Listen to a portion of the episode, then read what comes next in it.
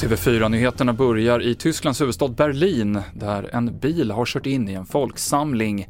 Minst en person har dött och flera skadats. Enligt lokala medier så körde bilen upp på trottoaren och vidare in i ett butiksfönster på den kända shoppinggatan Kurfürstendamm i västra Berlin. Men det är oklart om det här har skett avsiktligt eller om det rör sig om en olycka. Föraren har blivit gripen.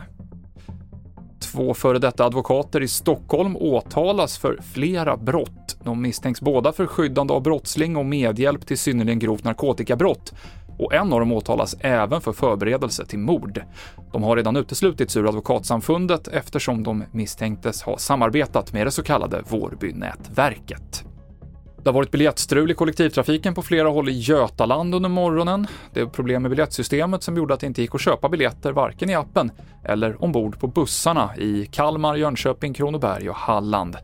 Och det har gjort att resenärerna fick åka gratis, rapporterar SR. Idag så börjar festivalen Sweden Rock i Sölvesborg. Ett av de stora dragplåstren är Guns N' Roses. Och det är många som är glada över att vara tillbaka efter pandemiåren. Helt underbart. Vi har ju saknat det här nu i några år och eh, ja, man kommer hit, träffar alla kompisar, lyssnar på bra musik, festar och jädrigt kul. Ja. Ja, nej men det är fantastiskt att vara på plats. Det är som att sätta fötterna på helig mark igen, så det är helt underbart. Jag kan inte göra mer än instämma, men alltså när man kommer och man bara ställer sig här så är det bara, är det verkligen tre år sedan? Var det inte för någon månad sedan bara? Så det, det är faktiskt sjukt alltså egentligen. Tre år. Men we are back. Svårare så är det inte. Jörgen Åkerstrand, Maria Appelgren och Björn Södergren som vi träffade på festivalcampingen.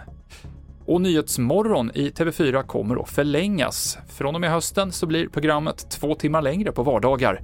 Det betyder att sändningarna kommer pågå till klockan 12. Senaste nytt hittar du i vår app TV4 Nyheterna. Jag heter Mikael Klintevall.